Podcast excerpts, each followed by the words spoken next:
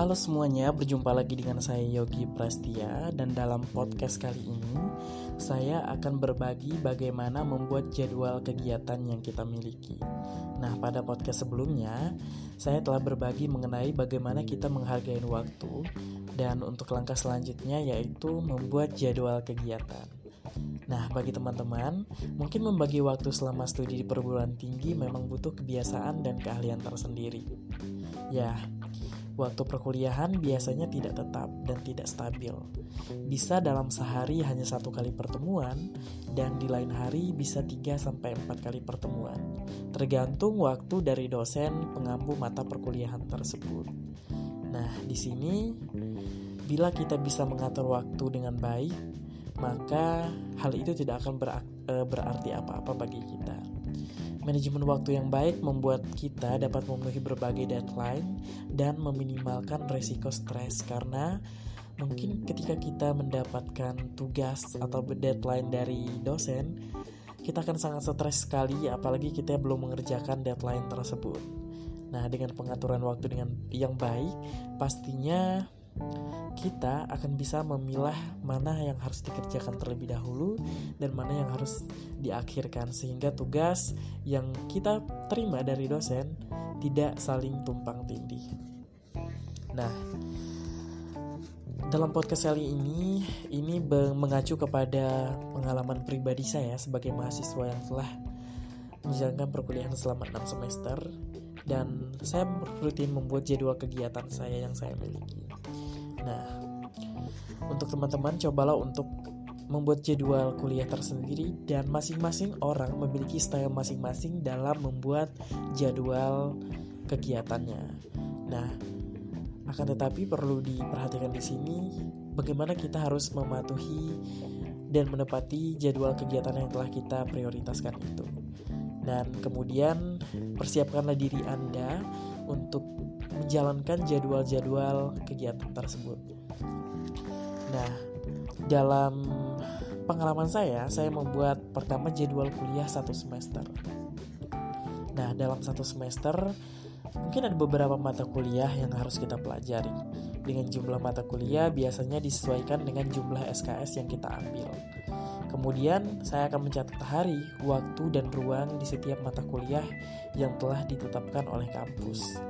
Nah, jangan sampai kita salah hari karena kita tidak mengetahui jadwal kita tersendiri. Biasanya saya akan mencatat di handphone jadwal kegiatan ataupun perkuliahan yang saya ambil pada semester itu. Kemudian catat juga tugas-tugas dari dosen pengampu mata kuliah, misalkan eh, seperti tugas paper, makalah, proyek penelitian, dan tugas-tugas lainnya yang diberikan kepada kita termasuk deadline-nya kapan.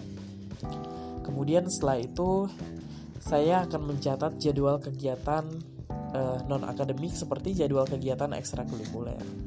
Kita juga bisa mencatat kegiatan ini seperti rapat organisasi, aktivitas sosial yang kita lakukan, jadwal pekerjaan yang kita ambil apabila kita bekerja, jadwal keluar kota ataupun bisa disebut ini jadwal perlombaan kita misalkan kita harus berlomba ke luar kota dan juga kegiatan-kegiatan uh, sejenisnya.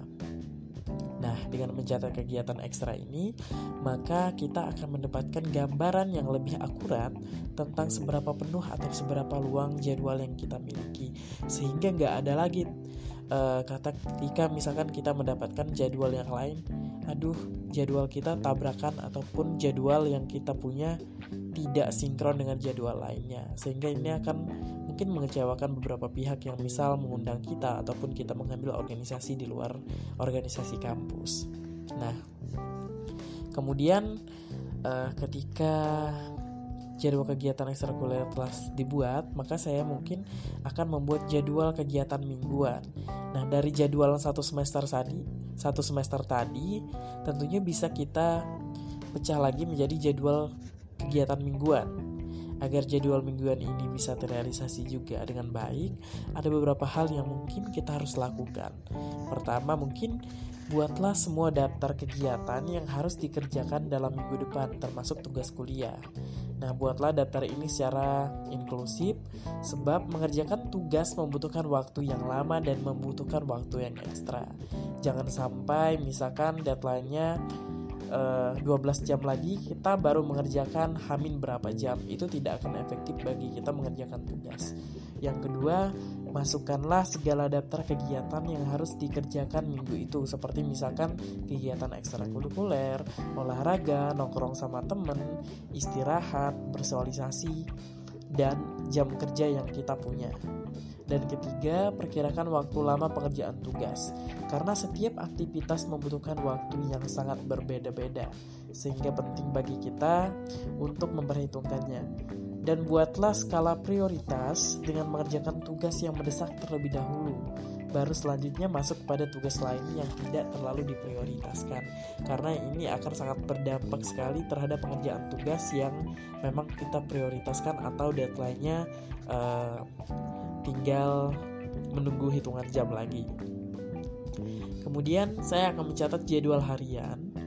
Dengan jadwal mingguan tadi kita bisa pecah dengan jadwal harian dan tulislah jadwal harian pada setiap pagi termasuk tugas-tugas yang belum selesai pada hari sebelumnya. Gunakan mungkin buku tulis yang biasa kita bawa ke mana-mana untuk mencatat apakah jadwal ataupun tugas-tugas telah terselesaikan atau belum.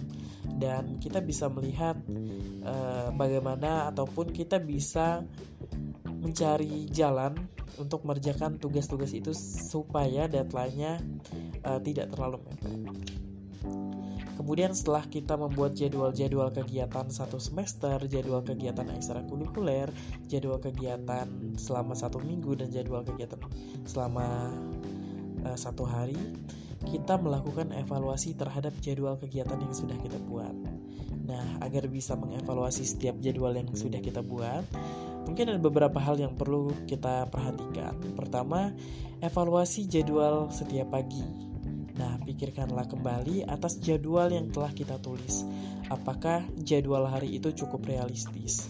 Bila dirasa ada tugas yang tidak mungkin diselesaikan, maka buatlah beberapa tugas yang tidak terlalu mendesak itu menjadi pengerjaannya belakangan sehingga jadwal prioritas tadi tetap kita kerjakan untuk mengejar deadline yang telah uh, mepet waktunya tersebut. Kedua, evaluasi jadwal setiap malam. Nah, apakah semua tugas dalam daftar sudah bisa direalisasikan?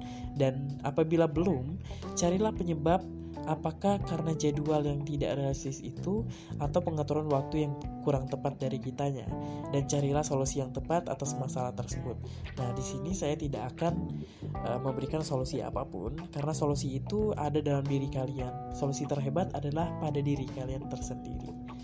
Nah, mungkin itu saja sharing dari saya dan semoga podcast ini membantu ataupun bermanfaat bagi kalian dan ingat mencatat waktu sedetail mungkin itu sangat bermanfaat bagi kita dan itu akan berpengaruh terhadap apa yang kita kerjakan nantinya. Nah, untuk kalian tetap semangat menjalani perkuliahan dan semoga prioritas-prioritas yang kalian lakukan dapat membuahkan hasil semaksimal mungkin. Terima kasih dan sampai jumpa di podcast selanjutnya.